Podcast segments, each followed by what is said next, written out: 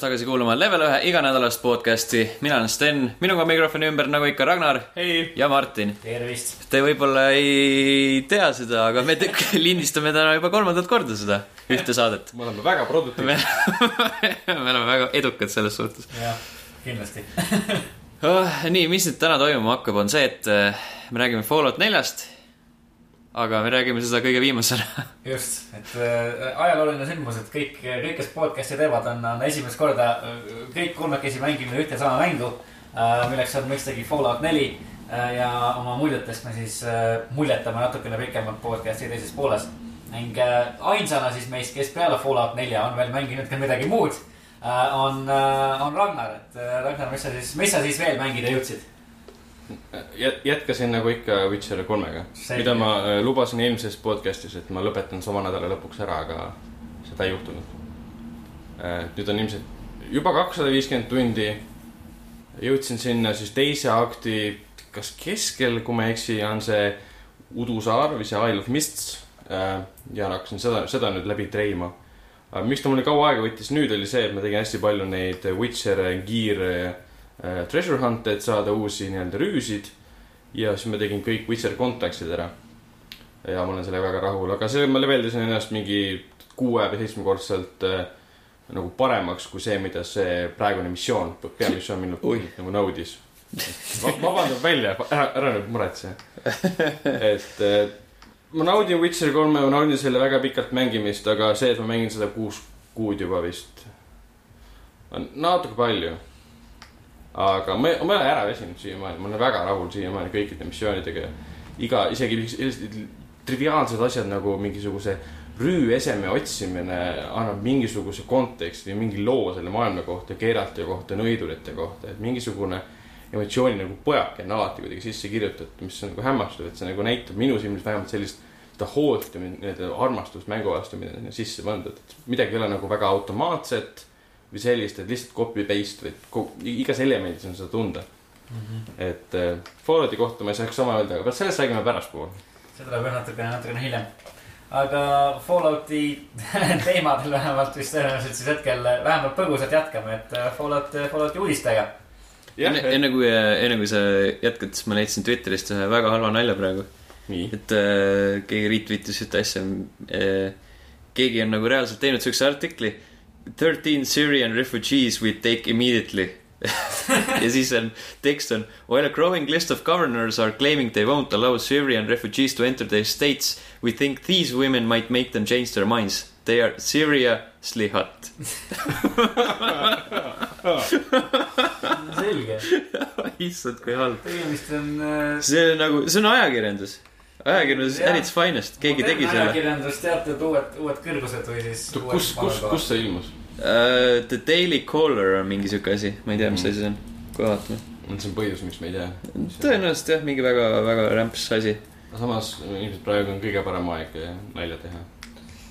no see ei olnud praegu isegi sarkastiliselt öeldud, et see nagu kohutavatele sündmustele tihtipeale järel tehakse nalja, isegi eh, Charlie Hebdo tegi päris laheda pildi. The Daily Caller is a twenty four hour news publication providing its audience with original reporting, thought provoking commentary and breaking news nii et. Onion teeb sama see artikkel, mis sa mainisid, oli kindlasti nagu originaalne ja yeah., ja ka thought provoking no me räägime, räägime praegu sellest, et ja, midagi ta õigesti tegi. tõsi, tõsi, tõsi, seda küll aga Fallouti jätkates, siis ta purustas päris mitmeid nii-öelda rekordeid, ma ei tea, kas see on rekord või mitte, aga. Pornhub andis teada, et samal päeval, kui Fallout neli välja tuli, siis nende kasutajate arv vähenes väga drastiliselt. et Nii. Eh, mis, mis see sulle ütleb? see ütleb mulle seda, et inimesed eh, masturbeerivad eh, vaadates midagi muud. näiteks Fallout nelja.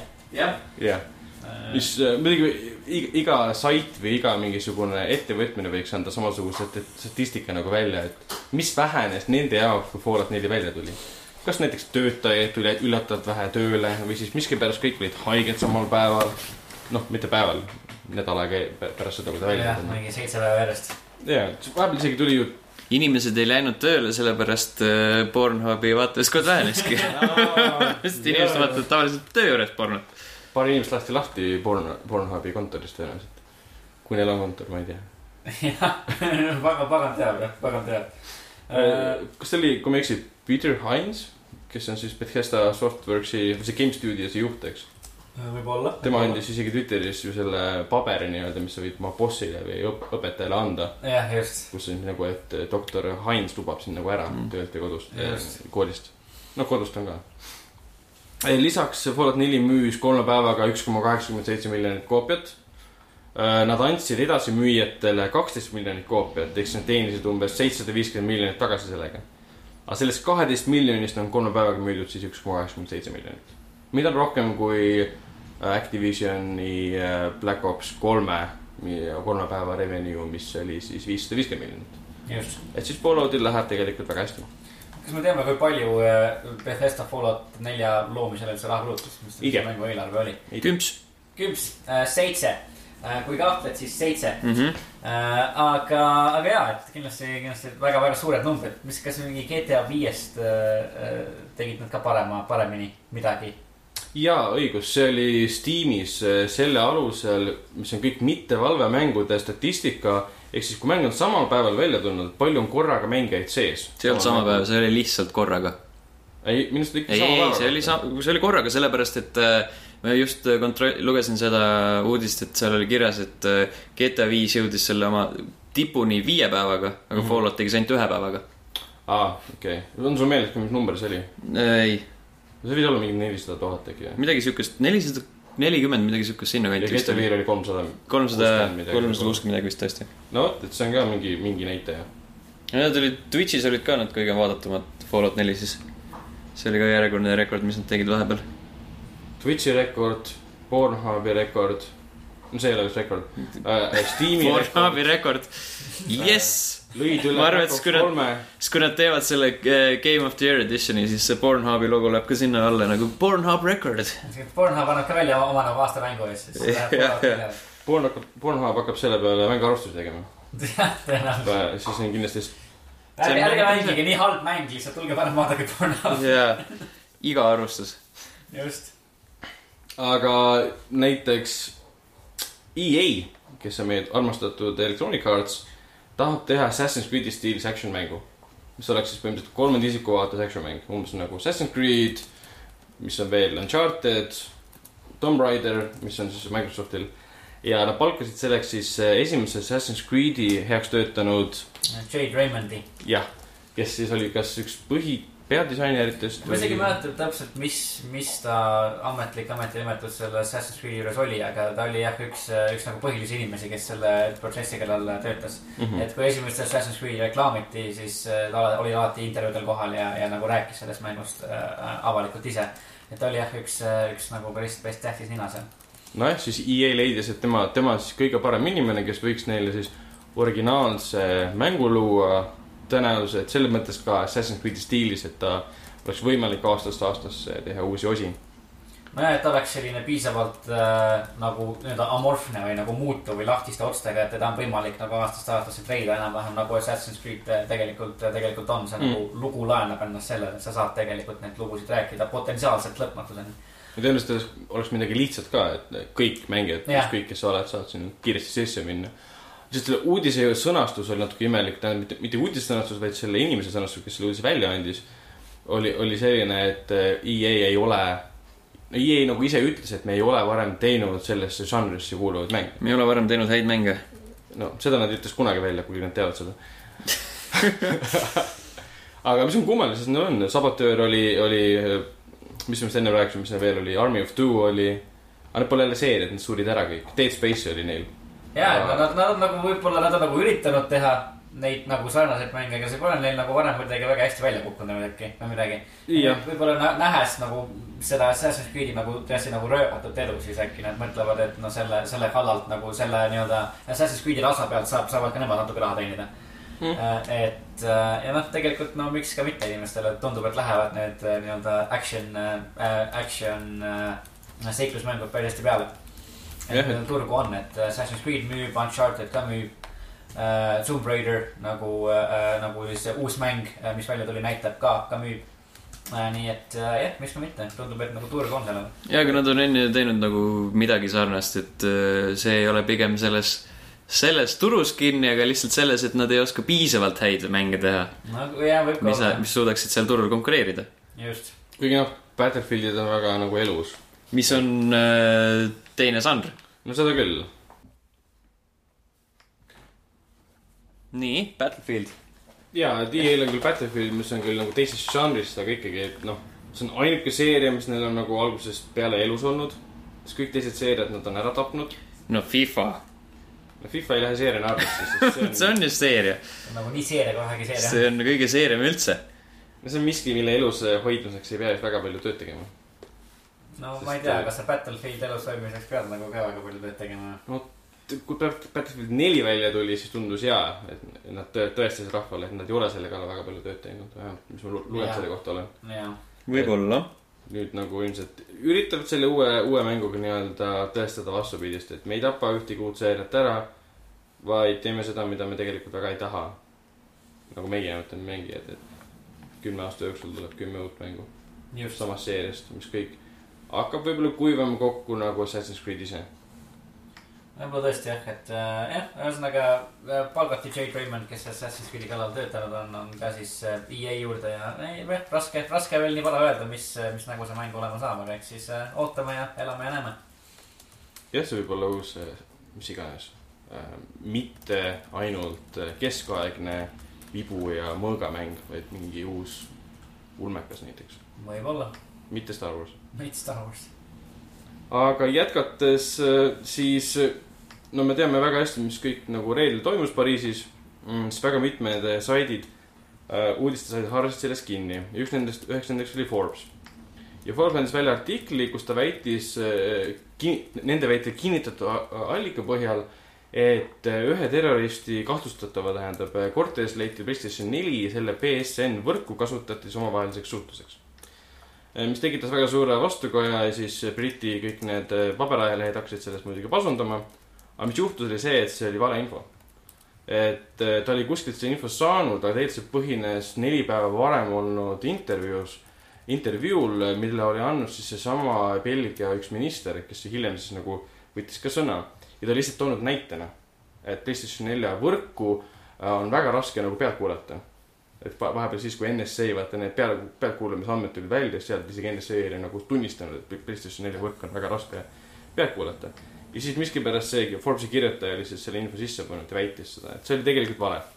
Ja kõik, kõik saidid sellest pasundasid ja kirjutasid, räpane valetaja. et eh, jah, aga samas see toob päris hea nagu tõsiasja välja, et jah, PlayStation nelja võrk on raske pealt kuulata. just, et et äh, keegi võib seda ära, ära kasutada väga ilusti. nagu ise ja see on nagu tõsi, et nagu kuidas no hea nagu näite sellest nii-öelda valesse raporteerimisest, kuidas uudis äh, või mingi mingisugune fakt, mis noh, tegelikult ei olegi fakt, olgem ausad, lihtsalt puhuti nii-öelda proportsioonist välja mm.. temast sai mingi täiesti teine asi, aga, aga jah, nagu, nagu sa ütlesid, siis teoreetiliselt küll. Et äh, sellest saab äh, ilmselgelt välja lugeda seda, et Playstationi, BSN-i võrku on raske jälgida ning teoreetiliselt seda saaks kasutada äh, ka nii-öelda äh, halbadel eesmärkidel. kuigi Sony ise siis pärast ametlikult ütles ka, et otse loomulikult nemad jälgivad oma süsteemi, oma võrku ja oma inimeste, kes seda kasutavad, suhtlust. ehk siis noh, noh, mis on ka loomulik, et nad annavad teada, kui nad midagi kummalist näevad ja saavad aru, et keegi midagi kirjutab mingist terroristlikust plaanist, et nad on ammu teada andnud ja annavad ka edaspidi. mis võib-olla oleks kummaline, et eh, kuidas saavadki terroristid rääkida omavahel vabalt kinnises võrgus, kui tegelikult võrgu omanik saab pealt kuulata. no jaa, aga sest nagu, nagu ma ei tea, minu jaoks loogika nagu dikteerib, et kui sa oled tõesti inimene, kes planeerib teha midagi nagu nii röögatult koletut, siis sa ei ole ka Playstationi network'is ja ei kasuta väljundeid nagu, et hei, et lähme, lähme homme laseme sada inimest maha, et sa kuidagi teed selle natukene filigraansemalt ja võib-olla natukene varjatumalt ka Playstationi network'is. tõenäoliselt kirjutad araabia keeles. no jaa, või siis kasutad Mingi- mingisuguseid, ma ei tea, enam-vähem Väljendeid. sõnumeid või värki sealtki. sõltub, mis mängu chat'is nad räägivad, nad võivad kasutada mängu, nagu mängu sisemise loogika keelt. just, räägivad armoritest või mingisugust upgrade idest, aga need asjad tähendavad nende jaoks midagi muud. just. Et äkki nad lihtsalt kasutasid mingi, mängisid mingi, ma ei tea, Call of Duty mingi, ma ei tea, Ghost'i, mida keegi ei mängi enam lihtsalt. see on väga hea avalikult chat'is saavad rääkida ja keegi peaks ei kuula keegi ei nii. mängi seda mängu, kedagi ei huvita ja lihtsalt, ma ei tea, plaani, mida tahab. ma arvan, et Ghosti mängitakse liiga palju selle jaoks veel. võib-olla tõesti. sellega seoses meenus ka vandenõuteoreetikute suur avastus. ma ütlesin, et meenus Van Damme. Kuskil ta ilmus, aga mitte praegu. aga ta ilmub alati kuskil. ühes, kus aga ta tuleb. ühes Modern Warfare'is, kas oli kolmandas, oli missioon, kus mindi Pariisi eh, pommitama, sa olid, mängija oli terroristi rollis. no see oli Battlefield kolm. või oli Battlefield, jah. Eh, ja siis oligi see, et see missioon leidis aset samal kuupäeval. enne, aga neliteist november kaks tuhat neliteist, neliteist november. noh, ehk samal kuupäeval, jah. ja siis pani vandenõuteoreetikud kohe pasundama sellest, et äh, ahaa, et see on kuidas videomäng ennustas ette seda. selle nimi on kokkusattumus uh,. Look it up nagu, vaadake, vaadake välja, et see on täitsa päris asi. nüüd me teame, mis mängu uh, chat'i nad kasutasid. sealt see idee tuligi. Battlefield kolm. kõigepealt nad mängisid single player'it, vaatasid hmm,. miks ka mitte. neliteist november tuleb varsti-varsti ligidale ja. aa, tegelikult kokkusattumus ei põhine selles et mäng sattus samal ajal, et nad sihilikult mängisid seda mingi neljakesi, kaheksakesi ja siis mõtlesid. Yeah, yeah. tekitame siia kokkusattumuse omaette yeah. vande nagu. That's, that's, see oligi see point. nii asjad käivad jah. see, kas see ei olegi, kuidas tõesti asjad käivad? see tundub nagu loogiline. aga nii-öelda vastuoludes edasi rääkides, siis äh, kuulus nii-öelda digitaalsete võtmete edasimüüja Greenman Gaming, et mina ise olen sealt ostnud näiteks GTA viie endale kuna ta on, nemad on Rockstar Gamesi nagu ametlik edasimüüja. Nad sattusid jälle jamade sisse. esimene jama, mis neil oli, oli siis, kui tuli Witcher kolm suvel välja, siis äh, Witcher kolm stuudio väitis, et nad ei ole nendelt saanud võtmeid. ja nad on kuskilt mitteametlikest allikatest neid kokku kogunud. ehk siis nad väitsid, et te olete saanud kuskilt madalaga, madala taksusüsteemiga riikidest sisse ostnud ja nüüd müüte nagu kallimalt mille peale CD Pro, see Grimman Gaming väitis, et see on vale, et me ostsime lihtsalt teistelt edasimüüjatelt, see, et te meie, meile võtmed ei anna, ei tähenda, et me müüa ei tohi. ja nüüd, nüüd juhtus sama asi. Nad võeti Redditist äh, väga populaarsest äh, kanalist maha, mille nimi on GameSteals, kuhu kogutakse kokku igapäevased, igakuised parimad soodukad. erinevates Amazon, Amazon ja mis iganes, GameStop. sealt nad võeti maha sellepärast, et Activision andis teada, et neil ei ole õigust Black Ops kolme võitleid müüa, kuna nad pole neid, neid saanud ja samamoodi Ubisoft väitis Assassin's Creed PC versiooni kohta sedasama. ja mille peale nad siis ei osanud nagu tegelikult vastata, sest nad ütlesid, et me ei saa anda välja ajakirjanikele ega, ega ka Redditi nendele moderaatoritele infot, kus me oma mänge saame. ja mille peale nad siis tegid oma saidil, praegu on see juba olemas, muudatuse, et äh, nüüd on iga mängu juures kirjas, kust on mäng saatud, saadud. saatud. saatud. saatus, mäng on, kus on mängu saatus ja see on väga huvitav äh, nagu detail, nüüd on kirjas trusted sources. no ma arvan, et see, kui asjad olid varem ebaselged, siis nüüd on korras. nüüd on väga selged, et. vähemalt me teame, kust need mängud tulevad, me ei tea, kust need tulevad, aga me teame, et nad tulevad uh, usaldusväärsetest allikatest. ja, et kui sa oled kaks korda sattunud nagu jamade sisse ja nüüd paned sinna trusted sources. no see teeb kõik selgeks. nüüd on, nüüd on korras võite minna Greenman Gamingusse ja osta, osta nii palju koode, kui tahate. nii palju võtmeid, kui tahate sest kõik tulevad äh,. usaldusväärsetest allikatest. usaldusväärsetest. vahet pole, et see võib olla kuskilt mujalt pärit. see oli eelmine. minul ei ole sealt, minul ei ole sealt otsast probleemi olnud ja nagu siiamaani on kõik korras olnud ja ma olen lugenud ka teiste äh, inimeste, kes on sealt ostnud kommentaare, ka on kõik korras olnud et ei ole olnud kordagi sellist, sellist momenti, et on võti tagasi küsitud, sest Ubisoft on ära võtnud või see on vale olnud või on mingi nädal aega hiljem alles võti kätte saadud. täiesti ametlik koht, omal ajal Rockstar müüs seda äh,, lasi nende kaudu müüa ja kõik oli korras. et ma ei tea, millest see jama neil tuleb, aga midagi nad varjavad. et miks sa ei ütle välja, kust sa võtmed ostad ja see on natuke kahtlane, et nagu tõesti, et miks sa lihtsalt võiks seda avalikuks teha, et, et. et, et kui sa kui sa tõesti läksid naaberpoodi ja ostsid sealt võtmeid ja müüd neid nüüd odavamalt, on raske välja öelda. võiks ju öelda, et kui sa nagu ei saa seda informatsiooni, informatsiooni avalikustada, siis äh, tegemist on potentsiaalselt millegi, millegi illegaalsega. et sa, sa ei ole ajakirjandus, et eh, sa pead kaitsma oma allikat. su allikas ei vaja kaitsmist, see on pood. see pood ei vaja kaitsmist. su allikas on täiskasvanud, ta saab enda kaitsmisega ise hakkama. ma usun, usun ka jah. jah, aga kes enda kaitsmisega hakkama ei saa, on Tom Raider. ühesõnaga, nad teevad temast uue filmi ah aa, selles mõttes. et esimesed kaks filmi tegid ta väga kaitsetuks ja need olid kohutavad Need olid see, kui ma ei eksi, Simon Westi film, kes tegi Gun Air'i. vaata Gun Air'i näinud või? jah. see oli geniaalne film. mis asi? Gun Air, Vangla Ekspress. Con Air või? Con Air. Nicolas Cage. ja, ja ja. John Cusack ja, kes mängis seda Cyrus seal uh,. John Malkovich. jah, just ma tahtsin öelda. jah, Put the bunny down, kineline film. aga, aga down. nüüd äh, tahavad teha siis kolmanda osa, mis tegelikult ei ole selle seeria järgi, vaid ta on nüüd inspireeritud uuest kahest Tomb Raideri mängust. ja sinna režissööriks hakkab olema Norra katastroofifilmi režissöör, nime ma ei mäleta, sest ma ei oska seda hääldada.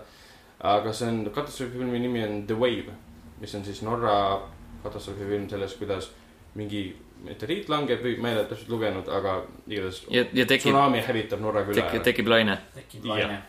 et see film, selle režissöör valitses seda filmi tegema, mis on imelik, sest stuudiod teevad seda viimasel ajal väga palju.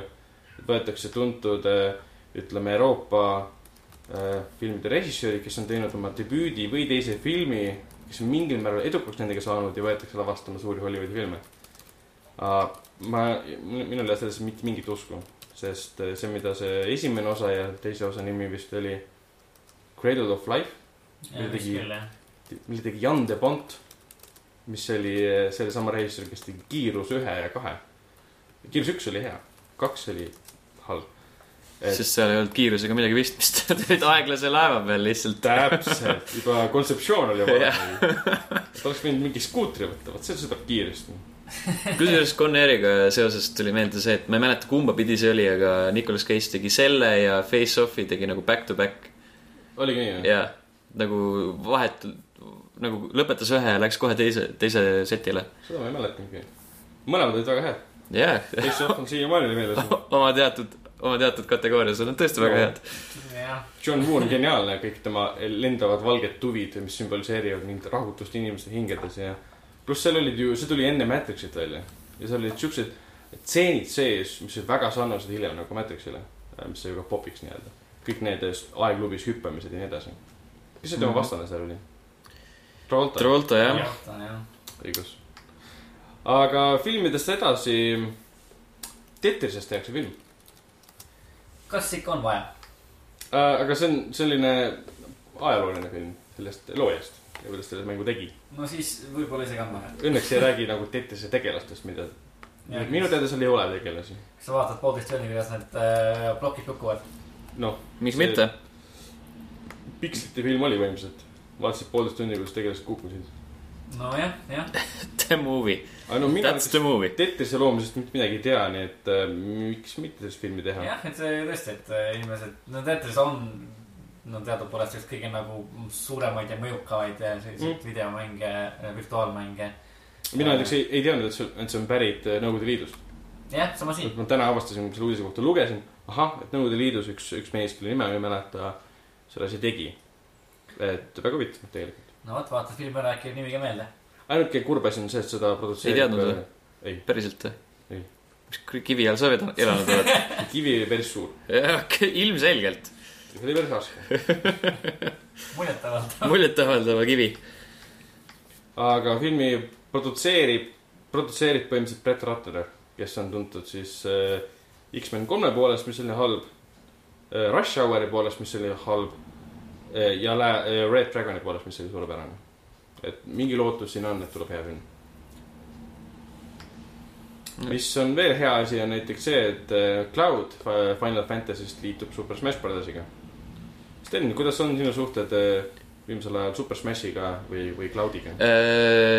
Ma ei saa kahte plaati korraga Wii U-sse panna, seal on Super Mario Maker ees juba. kas sa oled üritanud? ma, ma üritasin, aga ei lähe lihtsalt. Ürita veel tugevamini, suru, suru, tugevamini suruda. aga noh, las ta tuleb, väga tore ju. seal on ees juba Street Fighteri Ryu on juba nagu. Ryu on päris ammu vist. jah, et äh, on siuksed väljaspoolt. millal sa viimati mängisid üldse? ma ei mäleta, mit-, mitu kuud tagasi. mitu, mitu kuud. vahepeal siis tulnud ka juurde tegelasi. vahepeal. nagu nüüd paari kuu jooksul, kui sa ei ole mänginud. ma ei usu. Aga ma ei ole muidugi silma peal ka hoidnud. kes sinna veel võiks tulla, Tom Raider võiks ka tulla Tom, terve Tom Raider. mis mõttes terve Tom Raider? kõik, terve mäng. terve naine või? terve, ei, noh, Lara Croft, nagu sa mõtled siis. terve naine terve Tomb Raider, Tomb Raideri mäng, mängukarp. Ah, sellega Tomb Raideriga seoses meenus see, et mingi. et tuleb film välja? ei, ei, mingi sait kirjutas äh, Tomb Raideri ajaloost, kuidas ta on kujutatud nagu mängudes. Ja siis toodi välja see viimane, ma ei tea, kas te mängisite seda Tomb Raider Underworld, võib natukene vist. Ei. mis tuli pärast Legendi vist välja ja, ja vist küll jah. ja enne siis seda reboot'i. et sellel oli problemaatika oli see, et mis oli karbi kaanel, kujutati Tomb Raiderit niimoodi, et tema nägu ei ole karbil. on ainult tema keha ja piht nii-öelda.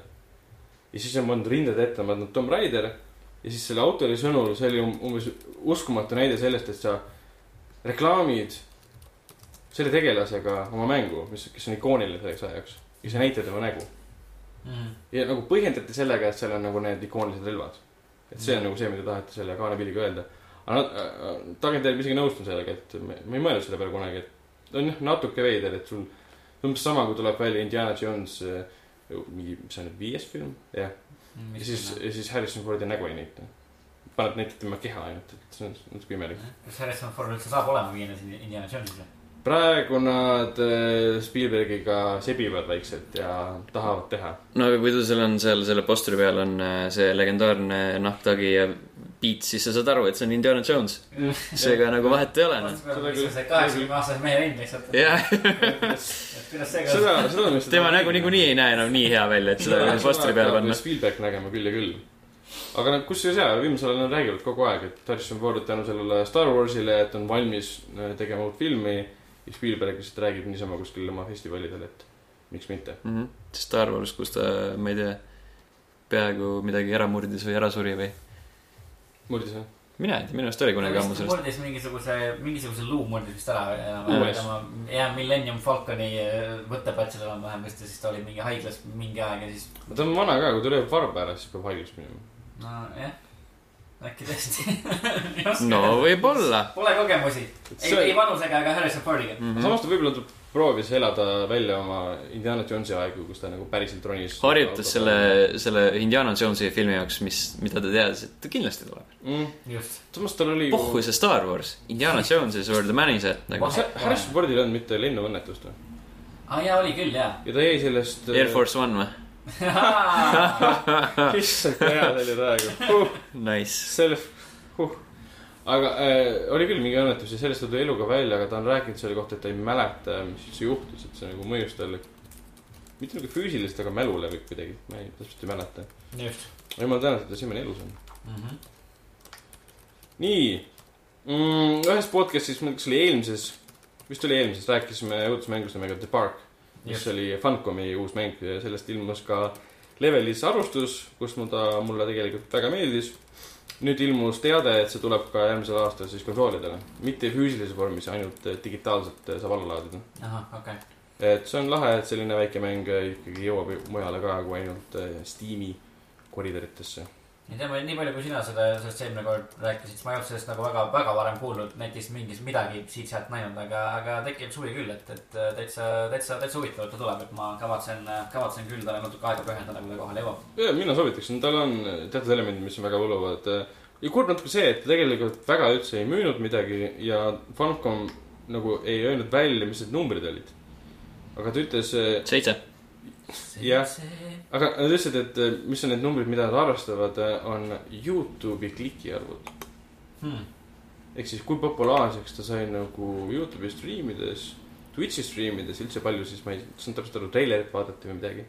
et natukene on kurb, et selle alusel siis vaatame mängu edukust, kuidas ta nagu mängijate teadvusesse jõudis, mitte see, et palju ta nagu raha tagasi teenis. nojah, aga äkki see lihtsalt nagu võib-olla äh, mõjutab seda otsust lasta see mäng hiljem välja konsoolidel. et kui suur on mängu huvi, kui, kui suur on huvi nende mängu vastu mm., seega kui suur on see potentsiaalne äh, hulk raha, mille sa saad selle mänguga veel teenida. tõenäoliselt äh, konsooli müük neil aitab ilmselt üle elada, sest ma olen lugenud, et Funcomil on üsna halvad ajad praegu. nojah, kui nende mäng, mäng ei müü, siis, siis. ei no mitte pärast, mitte The Parki pärast, aga Secret World ei müü hästi, ei müünud tegelikult hästi, see ei saanud väga populaarseks. Ja nad on pankroti äärel suht ja neil on suured jamad käes. et, et võib-olla see, lootsite mingit arvet kinni maksta selle parki rahaga. äkki siis. mis on veel tulemas, The Legend of Zelda Twilight Princess HD versioon tuleb Wii U-le aastal kaks tuhat kuusteist. Mhm. selle verivärske Nintendo Directi raames kulutati nii mõndagi välja, see oli üks, üks nendest Mhm. nii-öelda tõmbenumbritest. Peale Satoru Iwata surma siis esimene Nintendo Direct, mis nad tegid üldse. siis nad rääkisid sellest uh, uuest Twilightist või noh, selle uue, uue, uusversioonist. rääkisid seda, et uh, et see uus Zelda siiski tuleb Wii U peale, mida vahepeal räägiti, et äkki tuleb ikka NX-ile, et noh, et kuidagi kaua läheb sellega. Nende, nende uus konsool jah, nende järgmise põlvkonna või noh, mitte järgmise põlvkonna, aga noh, mingi nende hübriidmasin, veider hübriidmasin äh,. Siis räägiti veel äh, minu ühest äh, viimase aja lemmikmängude, lemmikmängudest äh, Fire Emblem Awakeningi järjest või järgedest, mida on nagu kaks või kolm isegi, see oli päris segane, see on kaks erinevat versiooni ja siis, kui sa ostad ühe neist, siis sa saad veel teise osta juurde ja siis veel kui läbi, mängid läbi mõlemad, sa saad mingi kolmanda kampaania sinna veel juurde ja ja siis seda osta on võimalik mitmel erineval moel ja see on väga segane ja, jah. ma mängin ühe mängu läbi, saan teise juurde. ei no sa saad osta odavamalt selle siis tõenäoliselt ah,. On... ma ei mäleta ka päris täpselt, ma ei saanud sellest isegi aru ja ma ei keskendunud nii väga. ühe, sa mängisid mängu korra läbi, sa saad osta selle sama mängu sees ei, mingi teise kampaania. sellel on äh, niimoodi, et seal on kaks nii-öelda paralleelselt jooksvat äh, kampaaniat okay.. et üks on nagu nii-öelda, ma ei tea, kuidas ma ütlen, hea pool ja teine on sihuke paha pool ja siis äh, need mõlemad lastakse eraldi mängudena välja mm.. Ah, okay. Ja siis, kui sa mängid need läbi siis nagu neid ühendab veel omakorda kolmas kampaania, mida sa saad veel hiljem mängida, aga seda vist füüsilisel kujul ei ole no okei okay,, okei okay.. see on tegelikult päris huvitav nagu süsteem iseenesest. üks ja sama mäng, aga erinevad perspektiivid. jah ja.. odav. stiililt on, stiililt on ta kindlasti üks ja sama, aga loolt ei ole. aa, okei okay. ja seda küll, et. sest on no, teised perspektiivid ilmselgelt. no saad põhimõtteliselt müüa ühte lugu kahe mänguna ja siis teenida selle pealt nagu kaks korda rohkem raha mm. -hmm. miks ka mitte. mis selle mängu nimi oli? Fire Emblem, oota kohe. Awakening Awakening on see, mis praegu mul on okay Äh, see kõige viimane, mis ilmus, aga see on järgmine juba. kas ta on seotud kuidagi Valkyria Chroniclesiga ka äh,? selle tegija äkki on. ma nägin mingit väikest uudist selle kohta, et äh, järgmisel aastal tuleb Valkyria Chroniclesi remaster arvutile ja konsoolidele. pluss nad teevad teist osa. see on väga hea mäng kusjuures. Valkyria? jah ah., soovitan seda tuleb teine osa. jah, see esimese osa Steam'i versioon tuli ka ju hmm.. ma vaatasin gameplay'd, ei tundunud väga minu stiilis mäng.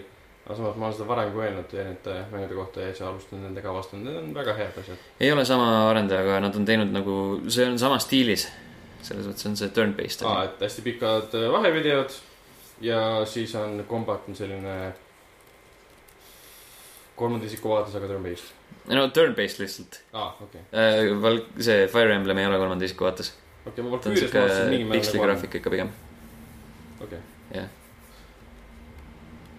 Aga see, nende arendaja on teinud sarnaseid asju küll muidu hmm.. vot. aga viimane suur uudis, mis on kurb. no ma just kirjutan kusjuures. kirjutad? jah. issand, kui tubli. on siis see, et et Teo, ma just lugesin enne tulekut äh, podcast'ile, et oma Facebookis andsid teada, Deus Ex, et äh, nende Mankind Divided tuleb äh, kahekümne kolmanda veebruari asemel kakskümmend kolm august. Ja põhjendus oli selles, et head asjad on suured asjad ja vajavad suurt armastust mm -hmm. ja suurt tööd veel ja nüüd tuletame meelde, et nad tahtsid selle halva eeltellimuse kampaania raames seda lasta välja neli päeva no, varem. et hmm, something doesn't add up.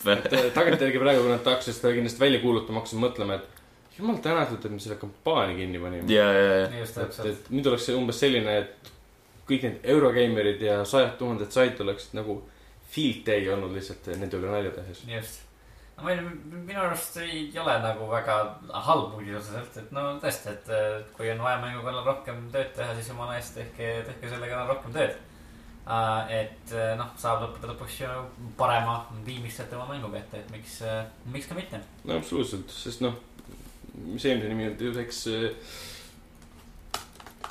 Deus Ex Machina või mis iganes oli, oota, ma ei tule väga meelde. mis asi? eelmise Deus Exi nimi Human Revolution. jah, Human Revolution Deus Ex Machina.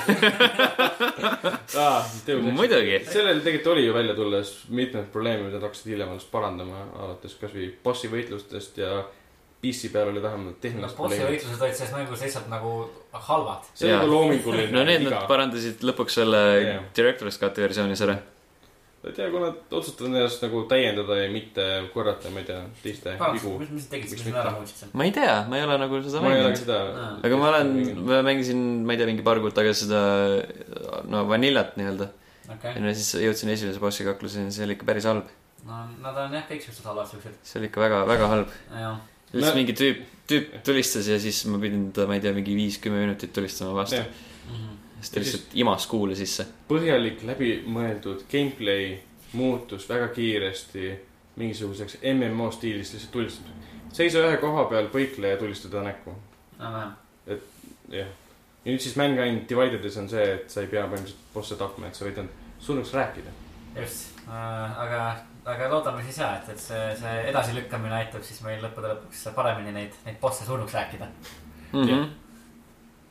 Et peaasi, et ei peaks neid äh, raketiheitega tulistama kümme minutit. just, kui sa oled viimased mingi kaks tundi ringi hiilinud. jah, vist ei ole nagu sihuke, kontinuiteet on natukene kuskil metsas oma. jah, et ei ole päris see, mida tahaks, mida ootaks sellelt mängult. just. aga sellega on meie uudised läbi ja liigume edasi. Fallout neli. Fallout neli. Fallout neli. Fallout neli. Fallout neli. Ta on neljas osa. Järg Fallout kolmele. Numbriliselt. järg, jah. mitu tundi te olete mänginud siis, Sten? mitu tundi sina oled mänginud, kümme. Martin? Äh, mina olen äkki, ma arvan äkki umbes äkki kahekümne ringi, võib-olla natuke üle kolmkümmend, kolmkümmend see on. jah. ma enne nägin su, nägin su seda salvestusfaili ka ja see oli jah, üle, üle, üle päeva oli neid. üks päev jah, ja, ja üks päev ja vist palju juba ja oled jõudnud? sellepärast, et Fallout neli on elu. mul on sul on äh,, Fallout? mul on Fallout jah, kahjuks või õnneks mul on Fallout praegu. Fallout Fever. ma ole- oleks ka väga tahtnud ikka rohkem saanud vahepeal mängida, aga ei jõudnud. aga kuidas siis on, nagu teil on nagu rohkem mängitud, kuidas muljed on? Äh, no ma, mulle üldiselt äh, pigem nagu meeldib, et äh, seal on, on küll nagu mingisugused kitsaskohad, milleni, milleni ka me vist, vist nagu siis jõuame. Aga üldiselt mulle see, noh, mulle see algus meeldib, mulle tegelikult see mängu algus päris meeldib, see, kus see, ta algab nagu enne tuumasõda Mm. ja, ja siis äh, sa lähed sinna nagu Vaulti ja, ja siis äh, noh, asi hakkab nagu pihta, see tundub nagu, see tundub nagu loogiline, et sa, et sa oled nagu äh, postapokalüptilises maailmas nagu inimene, kes nagu saab endaga hakkama, sest et su karakter oli nagu varem ka nagu sõjaväes teeninud ja sõdur ja värki särki enam-vähem, et ta on siukene kuidagi, kuidagi, kuidagi äh, äh, siukene, see on vähemalt, vähemalt nagu parem, see, see ei ole nagu mingisugune super hea äraseletus, aga see on nagu vähemalt parem kui minu arust nagu varasemates Fallouti mängudes. seletus on hea, selle läbiviimine kohati oli imelik. aga samas on ka arusaadav, miks ta oli tehtud nii. miks? miks ta imelik oli? selles mõttes, sa, sa võid olla eelmises elus nagu sõjaväelane Mhm. ja siis sa oled kakssada, spoiler, mõned aastad äh, oled äh,. kakssada, spoiler.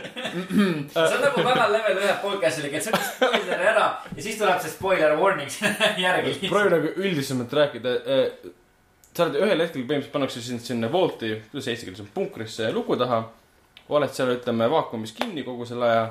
tuled välja ja esimene asi, mis sa teed, on, saad võtta suvalise relva kätte ja ilma kõhklemata, ilma, ilma et lugu midagi üldse nagu võtaks arvesse seda, et sa just oled tulnud kuskilt ja sul on midagi sinu elus juhtunud. sa oled täiesti uskumatus uues maailmas. see, seda nagu momenti üldse, mingi loos, ei, ega selles tegelises ei ole okei okay,, dialoogides kohati on, et sa saad küsida mingisuguseid mannetuid küsimusi, et äh, aa, et mis maailm see on, et ma just ärkasin, et umbes siuksed asjad on, aga mängija üldse, üldse ei võta arvesse seda mm.. et, et kuidas see mõjub inimesele, kes on nagu just hetk tagasi tuli maailmast, mis hävines ja nüüd on ta maailmas, mis on hävinenud. ja seda nagu üleminekut ei ole, põhjendus on olemas jah, et ta on sõjaväelane, aga seda nagu sisseelamist tema poolt, seda üldse ei ole. ja sellest nagu, nagu saab aru, et ma saan aru nagu seda, seda, sellest pointist, mida sa teha tahad. aga samas ta saab ka võib-olla aru nagu Bethesda nagu mängudisainerite Jah. äh, äh, nagu põhjustest, miks nad selle siis nagu just niimoodi disainisid mm.. siis lõppude lõpuks nad ei teinud seda mängu nagu karakteri pärast, vaid ikka nagu mängija pärast ja mängija juba teab enamuses, mis asi nagu Fallout on ja mida ta sellest mängust ootab. Et tal ei ole vaja, et see karakter hakkaks, hakkaks sinna veel nüüd sisse elama sellesse mängumaailma, kui mängija ise juba tegelikult enam-vähem on sinna sisse elanud. ja seda nagu vähemalt minu silmis, kes ei ole Fallout kolme, kolme mänginud, ma, mina näen seda, seda just sellist suhtumist kõige rohkem seal et see võib-olla mind rohkem, kõige rohkem häiribki mm. -hmm. Okay, et selline okay. suhtumine, et seda mängivad niikuinii fännid ja nad kõik tunnevad kõike, niikuinii nad juba teavad kõike, aga kes ma ei ole Fallout kolme mänginud, siis minu jaoks mõned asjad häirivad, et ma juba eeldan või ootan või nagu tahaks midagi enamat näha, et praegu tundub mäng lihtsalt vana mm. -hmm. nii, nii graafiliselt kohati kui ka selle mõtteviisid, kuidas ta nagu loodud. ta on nagu vana, nagu Skyrim, Skyrim on ka vana mäng juba ja nagu Fallout kolm siis võib-olla ma tõesti ei ole seda mänginud, nii et ma ei oska seda võrdlust tuua. sa võid öelda, et ilmumiskuupäeva, kuupäeva vaadates on tõesti vana mäng. kaks tuhat kaheksa? tuhat kaheksa vist küll, jah. Kaks tuhat kaheksa oli kolm ja kaks tuhat kümme oli New Vegas. jah, täitsa võimalik. Äh, ja, ei no selles suhtes jaa, et, et äh, et see, et muidugi see ei ole nagu mingisugune vabandus, no iseasi on juba küsimus see, et kas nagu kas, kas üldse on vaja vabandada välja mingisugust, ma ei tea, graafilist nagu lahendust või midagi sellist. aga no isegi kui no Fallout kolm tuli välja, Fallout New Vegas tuli välja, siis nad ei olnud ka nagu tehniliselt väga sellised nagu uut maad kündvad mängud selles suhtes. Ja noh, see muidugi jälle ei tähenda, et, et no, hilisemad mängud ei peaks seda olema. aga, aga no lihtsalt, et see oli minu arust nagu Fallout neli vastab nagu, ta on põhimõtteliselt kõik see, mida ma ootasin, et Fallout on et, et ta nagu ei üllata otseselt nagu väga millegagi, aga samas ta nagu ei valmista nagu väga suuri pettumusi ka mm.. Sten, et kuidas, kuidas sul kogemus on olnud äh,? väga lõbus on. aga mis mulle nagu valmistab pettumuse, on see, et äh, väga vähe sihukest valikuvabadust on seal, nagu eelmistes Falloutides mm. -hmm. nagu selle järgi oleks võinud oodata mis... rohkem.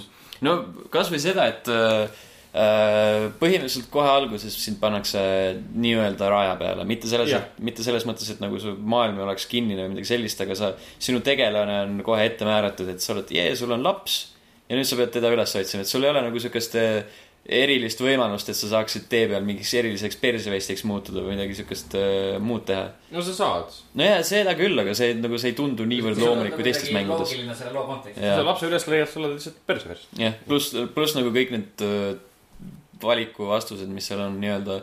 Need on ka enam-vähem sama ülbalised, sa lihtsalt ütled maybe, yes, no ja siis oled mingi sarkasmi versioon, mis on väga hea mm.. see on nagu sihuke teretulnud asi muidugi. sest kunagi ei tea tegelikult, mida ta nagu vastab. jah yeah., aga sarkasm on alati hea, nagu seda ma appreciate in seal väga. jaa, huvitav küll, miks mm,. see on nii üllatav huh ja selles suhtes, et nagu üks asi võib-olla nagu, mis mulle on just äh, natukene siukene nagu nõrgem koht ongi just see, see, see dialoogi menüü et äh, võrreldes varasemate mängudega see on kuidagi nagu väga, kuidagi lahjendatud. et no kohati on küll minu arust asi see, et kui sa nagu valid teatud valiku, siis sa ei saa päris täpselt aru, mida su tegelane tegelikult ütlema hakkab. Äh, et kõigest nagu ühe või paari fraasiga äh, on kohati ära märgitud see, mida su tegelane tegelikult ütleb. ja ning siis näiteks sina ütlesid, et see sarkasmi asi on, on selline noh, sa kasutad seda sellist palju, no ma saan aru. no natukene. okei okay sest mina pole seda kasutanud mitte kordagi äh,. mitte nagu sellepärast, et ma nagu ei, ei tahaks nagu võib-olla potentsiaalselt teatud kohtades nagu vastata sarkastiliselt, aga ma tegelikult tahaks nagu täpsemalt teada, mida ma tegelane ütlema hakkan. Aga, aga see, see, see nagu see üks sõna äh, sarcastic ei, ei anna mulle nagu piisavalt informatsiooni, et seda nüüd, et seda nuppu vajutada, et seda otsust teha. mulle isegi see nagu meeldib, et äh, tegelane ei räägi täpselt seda, mis on nagu ekraanil kirjas mm. -hmm. sest ma, mul, mulle vähemalt on tundub, et kõik need äh, dialoogikohad on väga kontekstipõhised mm. -hmm. et kui sa oled teiste tegelaste juttu kuulnud, too korralikult tähelepanu, mis on toimunud, siis tegelikult sa tead, mida ta vastab või, või küsib mm. -hmm. kui sa valid mingi valikuvõimaluse. aga lihtsalt ta ei tee seda nagu puust ja punaseks ette, nagu kõikides teistes mängudes, et mm -hmm. tihtipeale sa paned. nagu, nagu Witcheris on tihtipeale see, et äh, Witcher kolmes, et siis äh, täpselt sama lause, mis on sõna-sõnalt kirjutatud. aga seal on ka õnneks see muudatus tehtud sisse, et isegi väljendab ennast nagu teistmoodi ootamatult, kui mina oleksin arvanud selle ühe lause põhjal. mul, mulle see meeldib, et mm -hmm. isegi see nagu mingil määral pakub üllatusi. ega üldiselt jaa, et just nagu kui, kui tuleb nüüd Fallout nelja juurde tagasi ja mis puutub äh, tegelaste vahelisse ja nagu suhtlemisse, siis selles suhtes mulle väga meeldib, et nad on toonud sisse nagu äh, tegelase, kes kõneleb. kellel on nagu hääl erinevates, erinevates vanas, varasemates Fallouti mängudes, kus peategelane on lihtsalt vaikne mm. -hmm. siin ta tundub nagu rohkem nagu, nagu selle, selle, selle tõttu ta tundub rohkem nagu isiksuse või karakterina. aga see on siis väga suur muutus jaa, see eelmistes, eelmistes oli tal lihtsalt sihuke näotu, näotu tüüp, vaikne no,. ta oli, ta oli nägu, aga ta oli hääletu lihtsalt enam-vähem ses suhtes, et. no aga sa ei näinud seda nägu, pluss nagu see nägu oli sihuke kole ka alati. nojah sest see, see mm, mootor ei olnud veel nagu nii palju tähistatud ja siis ta ei lubanud nii palju seda. siis seal ei olnudki sihuke, sihukest erilist uh, muutmist ja lihtsalt valisid väga väheseid asju. enam-vähem küll jah, seda küll Eh, rääkides sellest, kui palju te karakterit eh, tegite, kaua?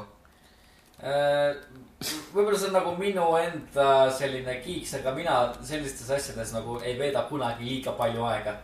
et ma nagu, ma nagu mängin nende slaiderite ja menüüdega seal, aga lõpuks, lõpuks ma lihtsalt ei viitsi enam ja siis ma mm. lihtsalt teen endale mingisuguse tegelase valmis ja, ja läheb. et mul, kunagi nagu väga ei murjenda see, milline mu tegelane täpselt detailideni välja näeb ja ma kunagi ei ole nagu üheski rollimängus alustanud oma mängu uuesti, sellepärast et mulle ei meeldi, kuidas ma tegelane välja näen.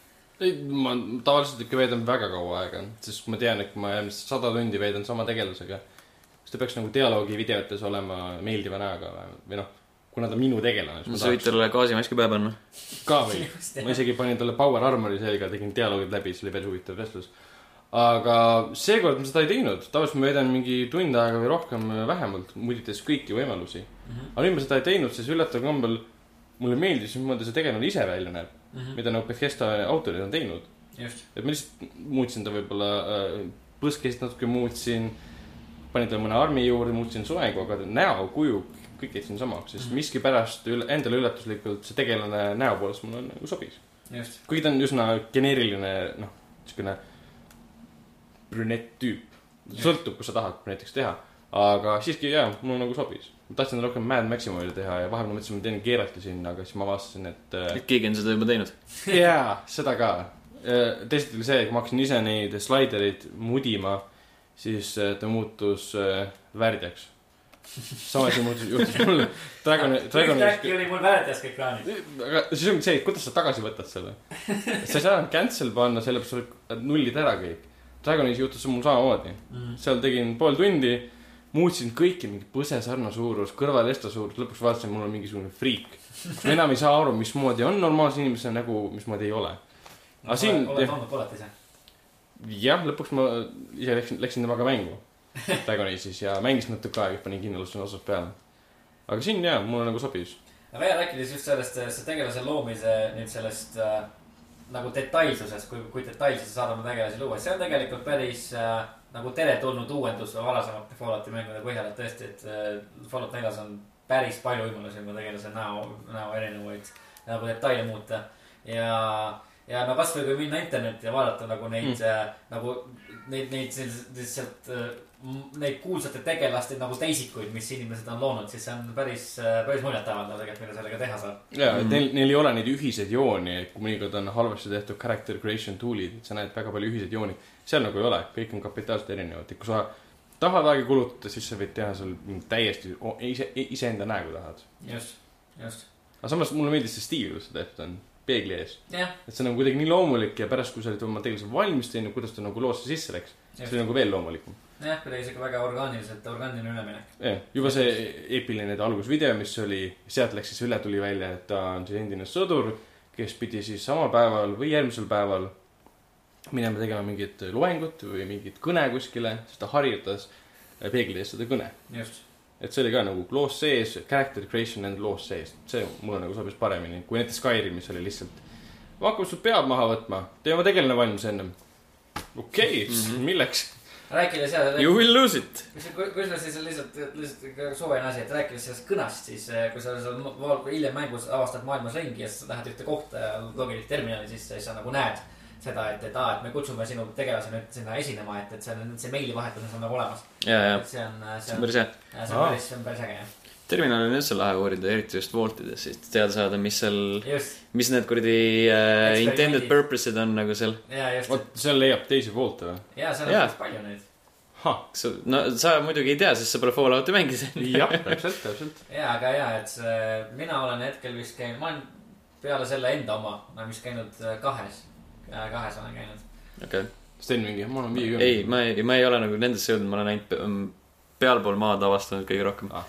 Ma olen ainult ühes Woltis käinud lisaks sellele enda omale mm. -hmm. see oli see, see, kus äh, tehti seda, et äh, kutsuti kõik rikkad ja öeldi, et väga head elamisvõimalused, siis nad pandi ühetoalisesse põhimõtteliselt kogu perega elama. selles ma olen ka käinud jah, seal ka käinud see oli päris äge ja siis ühes veel, ma, ma saan aru, ma kujutan ette, et teil on tegelikult veel seal. ja, ja kindlasti. Need ideed on seal päris huvitavad. Need, kes alguses siis selle poja röövisid, olid ka ilmselt sellised tüübid, kes käisid lihtsalt inimeste punkreid läbi vaatamas, et saada sealt midagi ja avastasid seal. no, no see, ma arvan, et see tundub, tundub olevat niisugune sihuke suurem asi mm.. jah, et see võib-olla natuke läheb natukene kaugemale tõesti aga kui me siis räägime võib-olla nagu mängust, et mängust endast, et mängitavusest, et, et kuidas nagu, kuidas nagu seal tundub? no nagu... arvuti peal äh, relvade käsitlemine on väga hea. on jah? Äh, täpsus on väga hea. Kaugtäpsus. olgu siis mainitud, et meil on tegelikult siin kõik nagu esindatud ka, et Ragnar mängib yeah, arvuti peal, mina mängin Playstation nelja peal ja Sten mängib Xbox One'i peal. jah yeah., terve ampluaa lihtsalt. arvuti peal ta jookseb äh, nagu mängituse suhtes, et kuidas tulistamine on ilusti um,. graafiliselt nagu ta ei ole kõige ilusam mäng, aga ta nõuab päris palju. ma keerasin kõik nagu graafilised sätted põhja ja mul ta hüppab vahetevahel kuuekümnest kaadrist sekundis kahekümne kolme peale täiesti juhuslikel momentidel. aga see on hästi üürik aeg, et ma pean, ma ei taha midagi maha võtta, sest äh, noh, see vähegi, mis seal nagu pakuti graafiliste sätete puhul, muudab teda tükk maad ilusamaks, kui ta muidu on. aga see on nagu ainuke häiriv asi. esimene asi oligi see, kui ma punkrist välja tulin, mänguks siis kuuskümmend kaheksa sekundit, läksin metsa, siis wow, kümne kaardi peale läks mm. -hmm. et see nagu midagi häiris, ma hakkasin lugema PC Gamerist, et saab seal graafilisi sätteid muuta, ma saan tõsta selle kuuskümmend kaardist sekundis luku ära mm. aga siis tuleb välja, kui sa selle ära tõstad ja paned saja kahekümne peale, siis see rikub kogu mängu füüsika ära. sest mm ta ei ole mõeldud äh, üle kuuekümne, et see lukustus on peal. pluss väga paljud vihkasid seda field of view'd ehk siis seda kaugusvaadet nii-öelda mm, mis on siis sisse ehitatud. minule ta nagu sobib, et ma, mina seda muuta väga ei taha, et um,. ja mängituse suhtes meeldib see, et on nii palju relvi.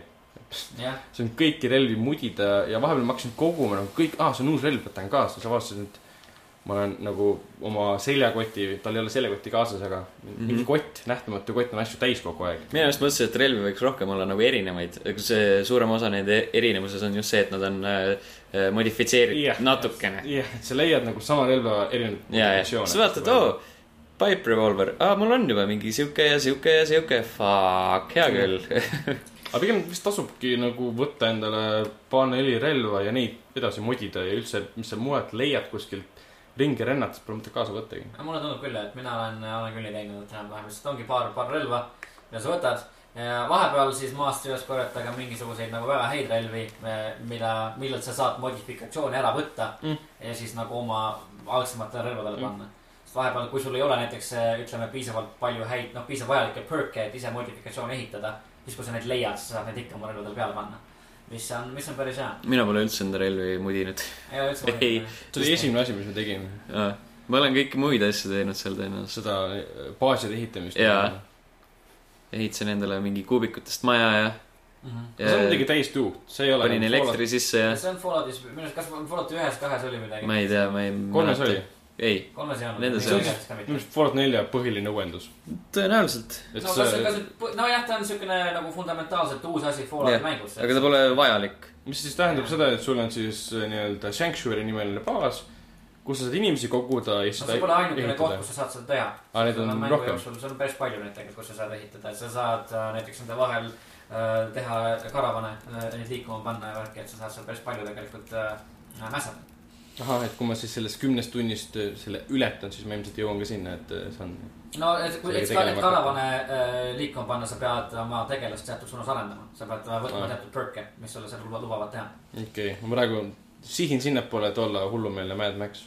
et siis, kui poeg mind näeb, siis ta tunneb mind ära ja aga seal ei ole reaalajas habetumist. muidugi. oota, või on või? reaalajas habetumine? ei ah.. ei, seda seal ei ole jah. selle sa valisid ikka alguses ära see ei ole see mäng. see, see ei ole see. panin. Äh, jah, aga ja, ei no mängutav, mängitavusest siis, et ja, et, et minu arust see just see nagu võitlusmehaanika on kindlasti varasemate mängudega paremaks läinud mm. -hmm. et äh,. ma ka kasutan nagu Vatsi kasutan väga üliharva. kasutad üliharva jah, mina seda ikka vahepeal kasutan, et eriti kui sul on nagu palju vaenlasi ümberringi, eriti kui sul on feral ghoul'id.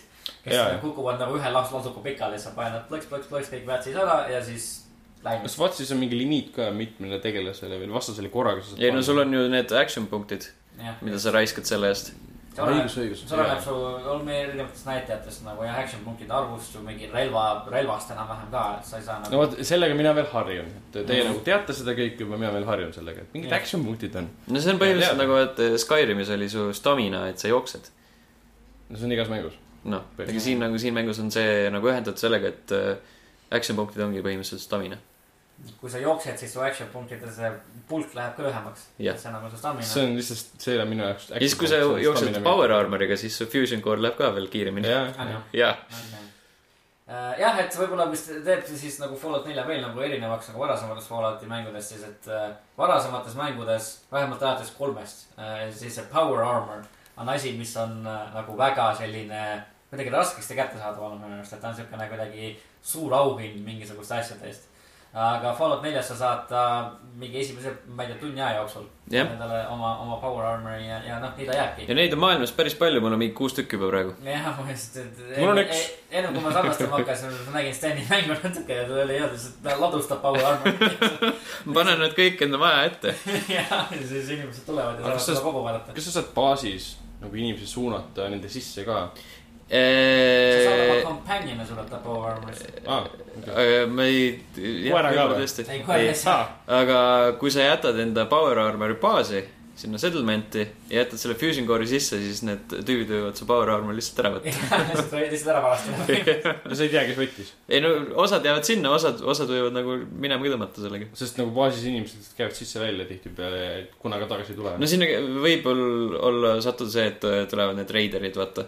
ahah, ja sul on halb kaitse. okei. kui sul on mingi väga, väga kehv kaitse, siis nad võivad ära tappa inimesi seal ja siis su asju võtta ja.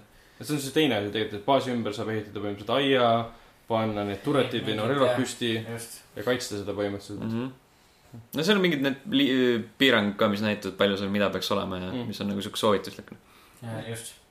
et jaa, et äh, see võitlusmehaanika mängus on kindlasti nagu parem, et nagu ja nagu relvadega tulistamine on tundub nagu täiesti mõistlik, mõistlik asi, mida teha nagu erinevalt minu arust nagu, nagu kolmest on ju Vegasest, kus see oli nagu väga sihuke kuidagi alaarendatud minu arust, et see. sellepärast võib-olla seal Vats oligi et nagu see õnnestus seda tõenäoliselt jah. nojah. kuigi sama... nagu, kui ma mängisin New Vegas teist korda läbi, siis ma põhimõtteliselt tulistasin peamiselt, siis läks, jooksin nagu kiirelt läbi selle mm. -hmm. sest praegu jääb mulje, et Vats minu jaoks on, esimese kolme tunni jooksul ma kasutasin seda kogu aeg, siis ma avastasin, et ma mängin lihtsalt poole võrra kauem kõiki sektsioone läbi, kui ma seda kasutan. aga siis, kui vaenlased on kaugel või kui neid on korraga hästi palju, nagu sa ütlesid ka, Martin, et mm -hmm. saab korraga lihtsalt jäsemed küljest ära lasta, need kukuvad maha aga lähivõitluses nagu kõik on nii hõlpsasti nagu lihtne ja töötab, ei ole mingisugust seda, et ta laseb nagu tegelane, sinu vastane sinu juures laseb mööda temast, et sellist nagu vähemalt Fallout kolme kohta, mis ma olen lugenud, selliseid vigu nagu ei ole. et see on mm. väga korralik on kõik. ja, et, äh, et jah, see võitlusmehaanik nagu enamasti töötab päris hästi, see on nagu nauditav ka, et nagu tulistada on nagu, on nagu noh, hea mm.. et see on nagu äh, relvad, relvad nagu tunduvad erinevad ja, ja päris, päris ägedad, kõlavad hästi näiteks. näevad head välja. plank on sinna peale löödud ja. jah, et ja kui sa oma relvi modifitseerid, siis need modifikatsioonid on ka nagu reaalselt näha, et see, mida sa sellega teed, see nagu on, on visuaalselt olemas mängu, mängupildis uh,. PlayStation nelja peal meil tehniliselt see kaadrisagedus ikka, ikka nagu talle meeldib ka nagu üles-alla käia mm palju? Äh, no ikka, ikka noh, märgatavalt mm.. et äh, kui äh, action läheb päris, päris intensiivseks ja asju plahvatab ja kuule lendab ja vaenlasi tuleb siit-sealt, siis vahel ikka, vahel ikka päris, päris madalale võib ta kukkuda küll, jah. aga noh, see noh, okei okay,, mõndasid mängijaid see nagu väga segab, mind see otseselt väga ei sega sest et noh, seda ei juhtu väga tihti, see ei ole nagu mingi asi, mis nagu mängu üldiselt nagu väga, väga, väga, väga segaks et minu, mind isiklikult see, see väga ei, väga ei häiri, see nagu ei, ei, väga ei pärsi minu mängu nautimist. aga mingisuguseid nagu suuremaid paage ja glitch'e ma ei ole oma kahekümne tunni jooksul veel kohanud, et kui mäng ei ole kordagi nagu crash inud äh, paar korda mingi, mingisugused inimesed on jäänud äh,, mingid tegelased on jäänud kuskil mingi seinte või asjadega külge kinni või midagi, et seda nagu on juhtunud küll. koer käib pinda mõnikord. no selles suhtes, et nagu rääkida. teeb ette alati. jah, teeb ette, pluss ta korjab asju, mis need jäävad talle pähe kinni mõnikord ah.. ta jalutab ringi, mingi karp on peas see on päris hea vaatepilt muidugi. It's not, a bug, it's a feature. jah, see on muidugi hästi palju on internetis seda olnud, et aa, kuidas nad said lasta välja siukse mängu, see kõik on katki ja nagu graafik on nii halb ja, ja nii katki ja, aga samas nagu, et see on Betesta mäng, mida sa ootasid ühest küljest nagu, nagu see on nagu argument, mida, mida teha, sellepärast et okei okay,, no Bethesda on alati nagu lasknud mänge nagu niimoodi välja. teisest küljest see mäng ei ole nii katki. minu arust küll, jah. sellepärast, et võib-olla see oleneb loomulikult nagu individuaalsest kogemusest, aga minu kogemuse järgi see mäng, jaa, ta, ta vajab võib-olla natuke veel nagu optimiseerimist, mida saab teha tõenäoliselt. ja, ja arvutiväelu vajab patch imist, see on täiesti aga, kindel, aga. aga ta ei ole nagu kaugeltki katki ja nagu mängitamatu ja nagu on, nauditamatu. see ei kuku läbi maailma. Äh, keskkonnad ei kao, tegelased ei kao. Äh, neil pole ainult silmamunad näo asemel või noh, selles mõttes siukseid vigu ei ole. Ja, et kui sul nagu tõesti nagu graafika peale väga nagu hammas verele läheb, siis. Äh, no siis jah, siis noh, kui sa oled PC vend, siis paned moodid peale, mis vaikselt tilguvad juba. ja, need on juba olemas ja kui sul on 4K kuvar, siis anna tuld ja ta näeb väga hea välja siis mm. -hmm just, aga jaa, et minu arust ka, et nagu, nagu, nagu Sten alguses ütles, et ta on lihtsalt nagu, ta on lihtsalt lõbus. et ta on nagu lõbus minna, minna ja teha nagu erinevaid nagu quest'e ja missioone ja joosta mingisugustesse suvalisse olukordadesse sisse ja näha, mis nüüd saama hakkab ja. mina olen lihtsalt mingeid tunde ja, ja tunde nagu avastamise peale kulutanud, sellepärast et ma ei mäleta, kas nagu eelmistes Fallout ides seda oli, et aga siin on see ma tean, Skyrimis oli see, et, et ta näitab sulle selle mi, nii-öelda minimap'i või selle kompassi peal mm, -hmm. vaata, et, et siin on mingi, mingi asi aga see on sees tühi, tähendab, sa pole seda veel näinud, siis vaatad, ahah, okei okay,, eks ma lähen siis sinna ja, ja siis jõuad sinna, ohoh, seal on veel paar tükki, no davai. jah, jah, ja nii see läheb, nii see läheb, sa avastad selle kaarti teises otsas, kakskümmend tundi on möödas ja sul on vaja tagasi minna Commonwealthi, et öelda, et sa oled mingi asja ära teinud. ehk siis mingi vana missioon, mis on kuskilt pooleli jäänud, et lugu edasi mm -hmm. läheks Äh, ja, et, et tõesti, et, et, et minu arust see, see oli juba olemas ka kolmes New Vegases ka, et, et need ikoonid ilmuvad sul sellele kompassi. ma ei mäleta, võib-olla tõesti. ma vaatasin kohe nagu meelega kolmanda osa gameplay'd ja seal seda kompassi niimoodi alla ääres ei olnud. ta oli kuidagi vasakul sihuke väiksem. no võib-olla küll, jah. et äh, tundus vähemalt, et sellist Skyrimi stiilis äh, kompassi nagu ei olnud mm. -hmm. aga mis minule nagu, kes ei ole Fallout kolme mänginud, siis kes on Bethesda mängudest, et ainult mänginud Skyrimis, siis ta on nagu täielik Skyrim minu silmis mm. -hmm. kõik need nupud, et R-tähte alla hoides paneb relva ära mm -hmm. käest. F-iga saab panna nagu favorites, kiirnupud, et saaksid kiiresti relvad võtta. kõik need nupud, kõik need, mis ma olen nagu lihasmällus on süübinud, need kakssada tundi, mis ma veetsin Skyrimiga on täpselt samad mm. -hmm. ühelt poolt oli see väga mõnus, et ma, nagu võõras mäng, aga kohe väga lihtne oli sisseelamine. teiselt poolt on see, et kõik samad asjad, mis tüütasid mind Skyrimi puhul, on ka siin olemas mm. kõik see, see missioonide struktuuri jaotus, see, et sa jalutad keskkonnas ringi ja siis nii-öelda fetch quest'e pead tegema, kõik see quest'i süsteem on nagu vananenud, aga samas ma saan aru, et teile nagu meeldib sellepärast, et see on nagu vana hea. ei no mitte nagu vana hea, võib-olla lihtsalt, et no ma ei tea, nagu rollimängudes võib-olla see on üldse nagu mitte ainult Fallouti, vaid nagu rollimängide mm. asi nagu üldse, et see. videomängudes üldse. videomängudes üldse ja, et, et nagu see äh,, see missioonitüüp nagu see fetch quest, see, et sa too mulle X ja sa saad selle eest Y-it, et nagu. see on nagu nii kasvanud sellesse meediumisse sisse äh,. samas see hakkab nagu vanaks saama, kuid mm. teisalt me veel ei tea täpselt, mida nagu, kuidas asju teisiti teha. mida sa, mida sa tahaksid selle asemel saada, noh? Witcheri kolm jälle ma võrdlen seda sellega, sest see on ainuke pidepunkt, kuhu ma tahan kogu aeg tagasi pöörduda, et tema nagu tegi teistmoodi, seal on ka kõik needsamad quest'id, kus sa võtad midagi, viid midagi, pead tagasi minema algse inimese juurde, kes sulle selle ülesande andis.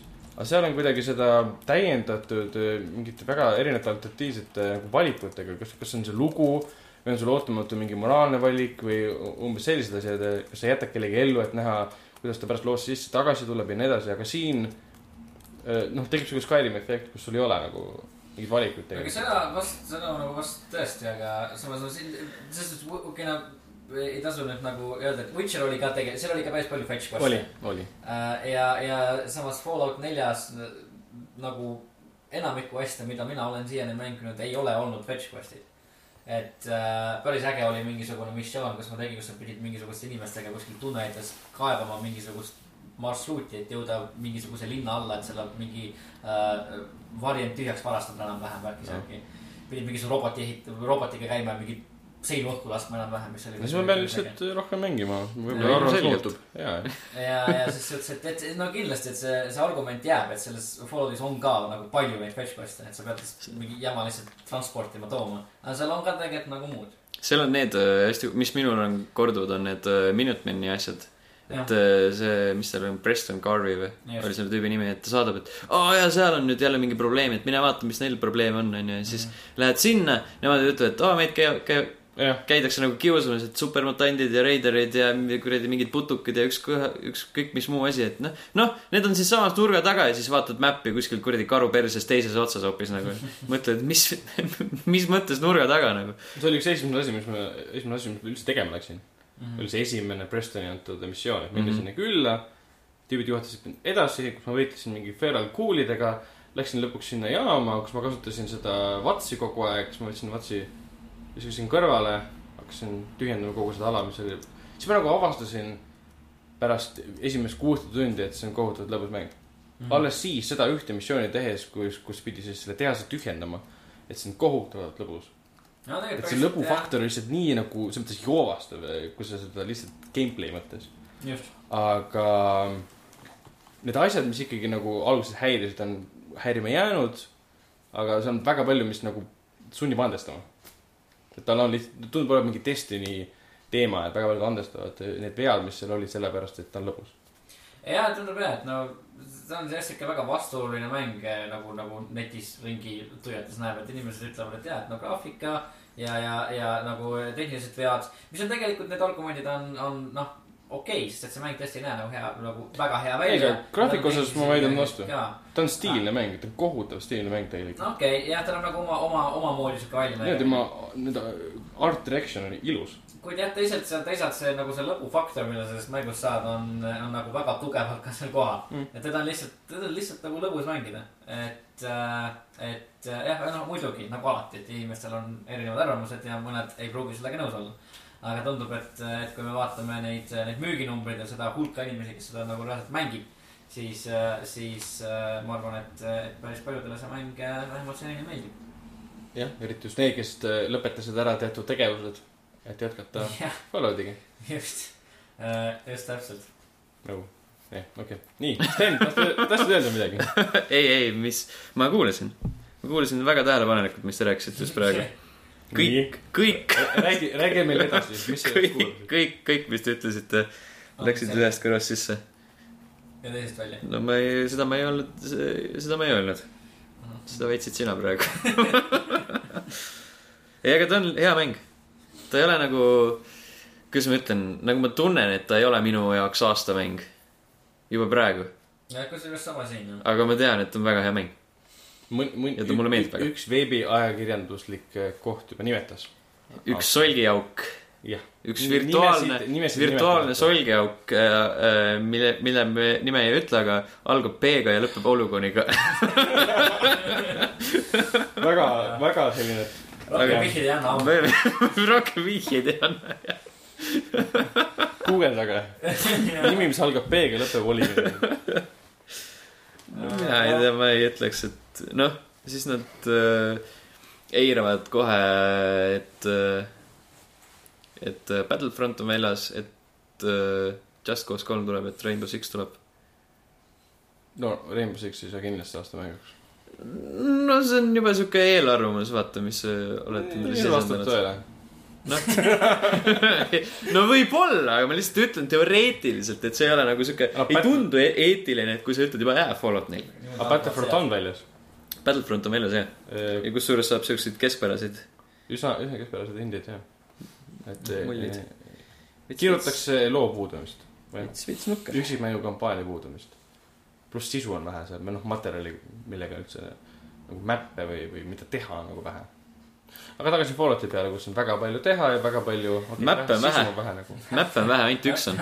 ei, pidid nagu ära tüütma üks kriitik niimoodi kirjutas, mille peale siis äh, tabastati teatud sorti rahe kohe äh, kommentaariumis, kus tehti maha, et sa oled idioot ja mis sort, mis sorti rahe oli, kas see algas B-tähega ja lõppes asaga või? asaga. näen siin mingit tendentsi tekkinud.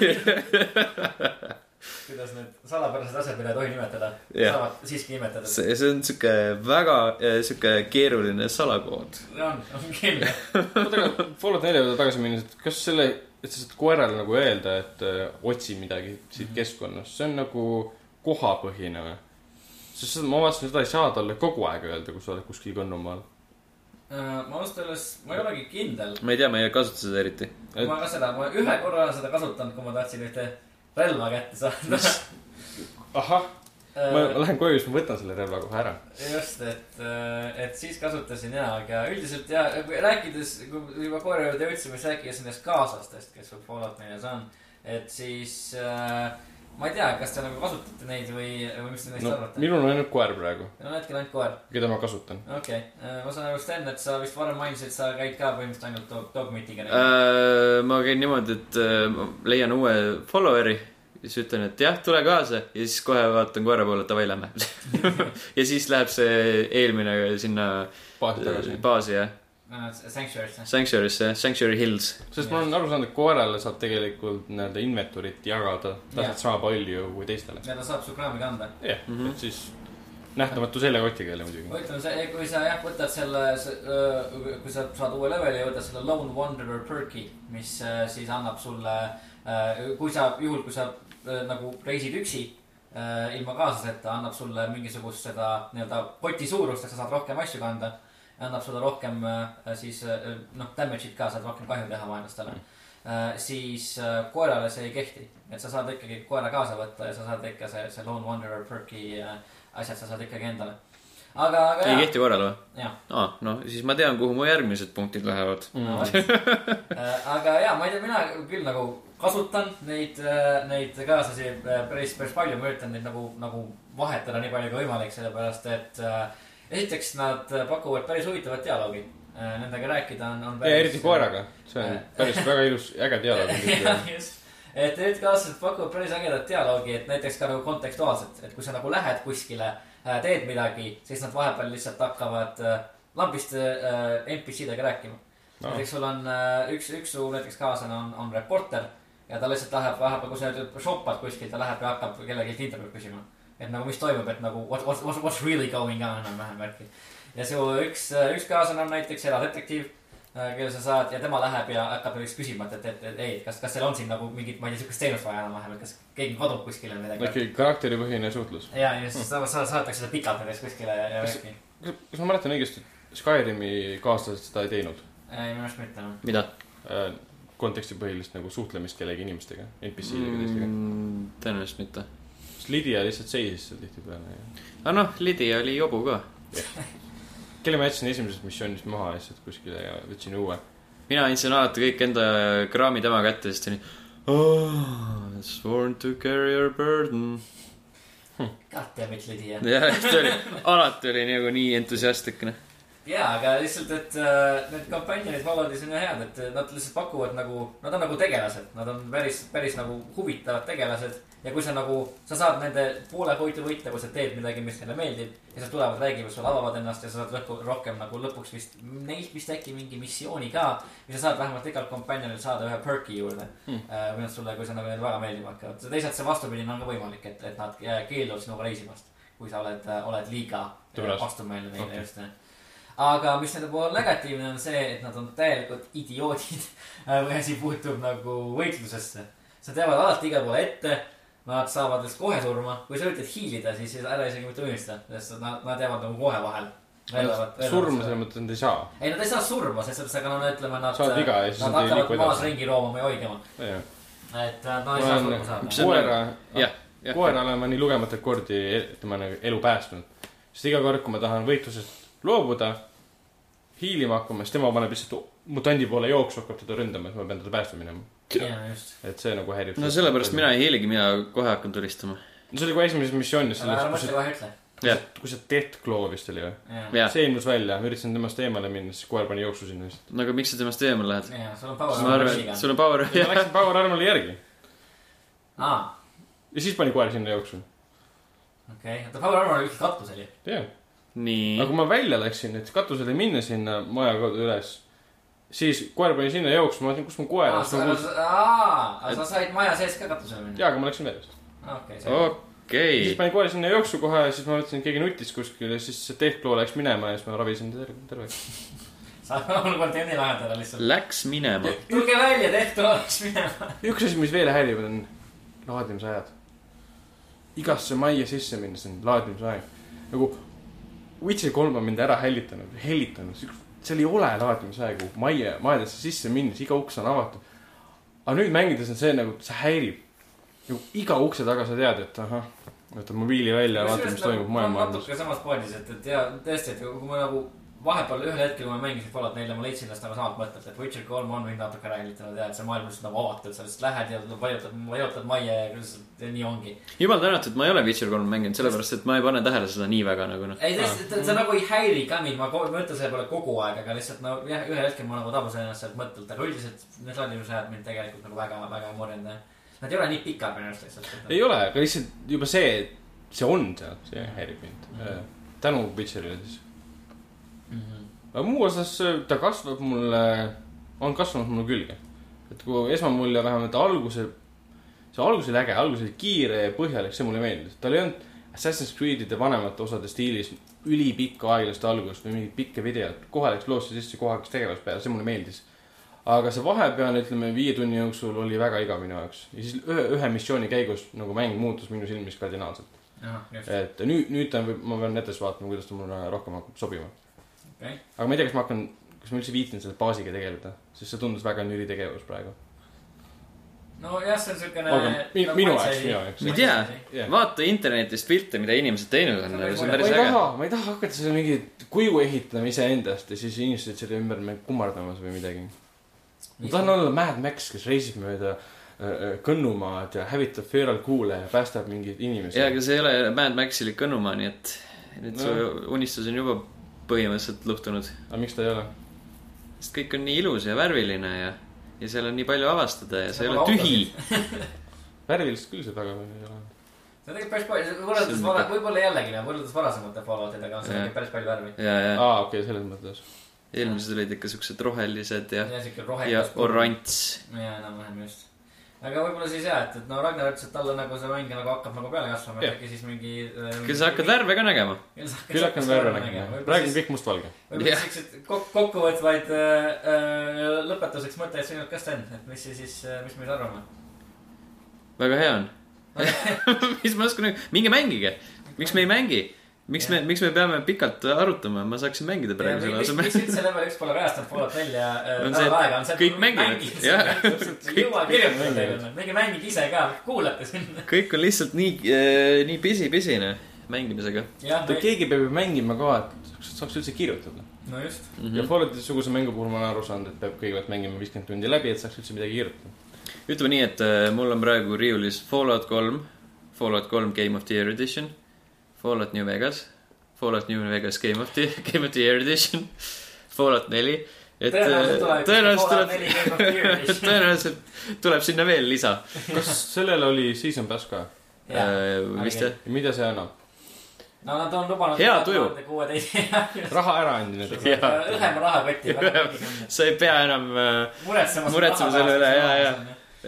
tasku on paks raha täis kui. raha ei ole, siis ei ole ka muret. no näed, ei, nad on lubanud kahe tuhande kuueteistkümnendas aastas mingisuguseid äh, lisa, lisapakke sinna. et, et ehk siis mis. praegu ei ole mõtet season passi osta.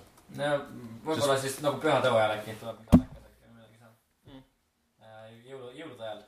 praegu, praegu annavad kindlasti sulle mingeid mütse ja uue relva, niikaua kui tuleb mingi päris sisu. ma küll hakkaks sulle andma, andma Fallout neljas uut relva, siis sa lihtsalt nagu modiksid selle kohe ümber mingisuguseks uueks asjaks, et kas see mõtet on.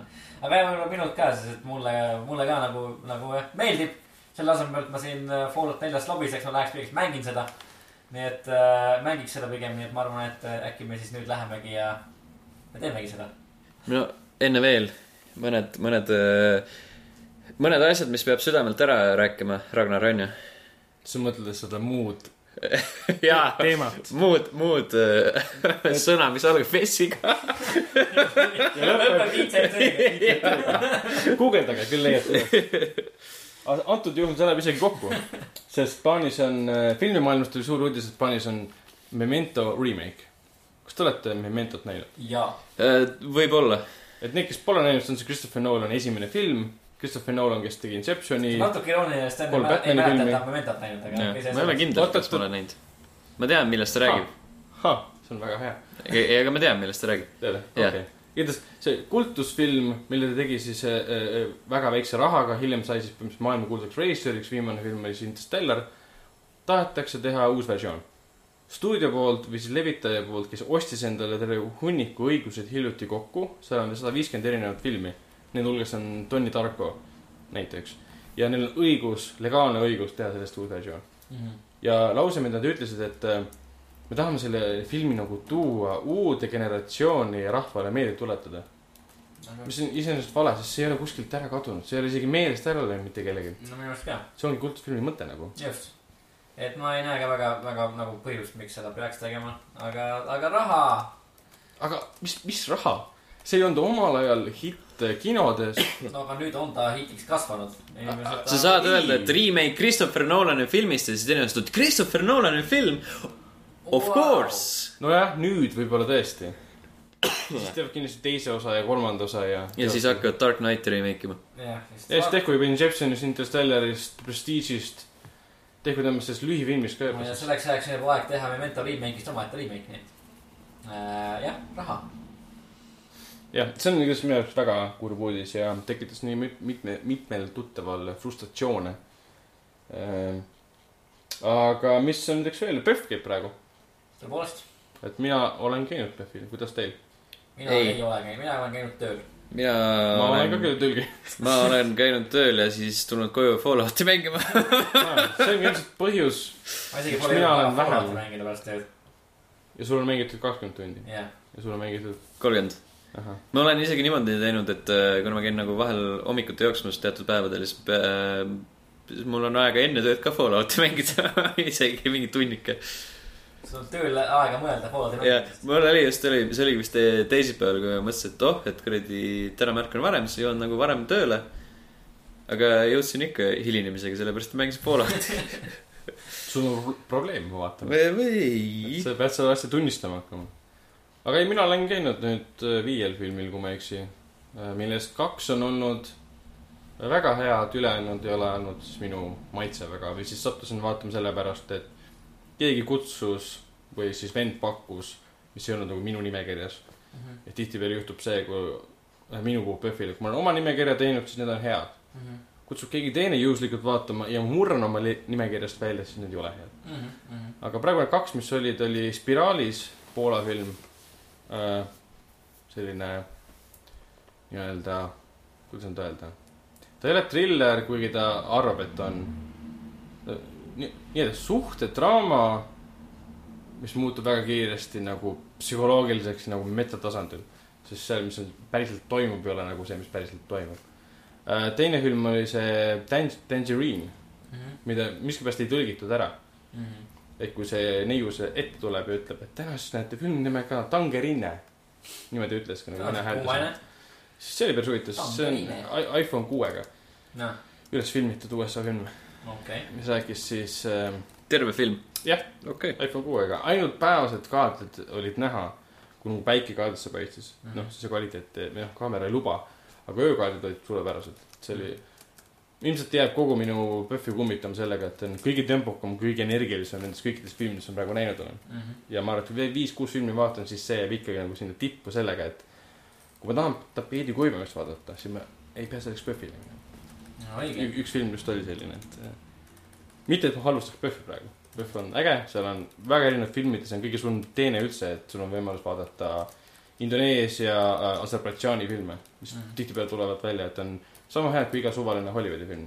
lihtsalt see e, mõte sellest, et see on Aserbaidžaani film, sa mõtled, ei, ei, see on kindlasti halb. jah, see kuidagi ei jõua sinuni, jah. jah, jah.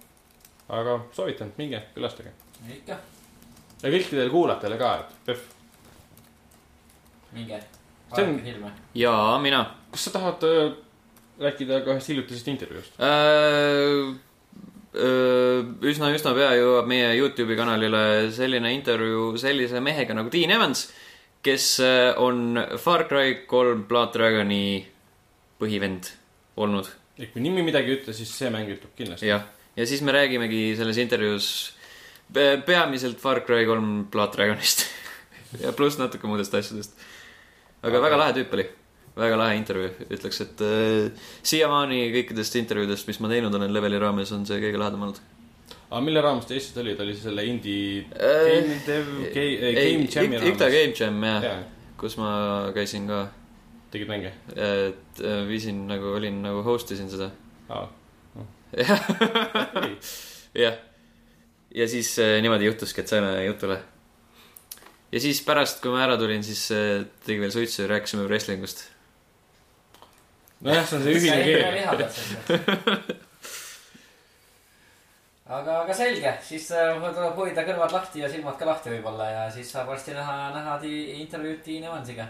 ja üht-teist ka Fallouti kohta. just. Äh, kajastuse mõttes, muljete suhtes ja. jah, level1.ee ja facebook.com .com kaldkriips level üks ee ja Youtube.com kaldkriips user kaldkriips level üks ee väga täpne. ja twitter.com kaldkriips level üks ee. ja mängutöö Instagram. Äh, mangude O Instagramis. me oleme, me oleme igal pool. me oleme igal pool. leidke meid üles ja siis saate teada täpsemalt, mis toimub ja kus toimub ja millal toimub ja miks toimub ja, ja miks mitte. ja kellega toimub. ja, ja miks see oli hea punkt, see oli väga hea punkt ja selle mõttega lõpetamegi tänases podcast'i, tšau tšau. nägemist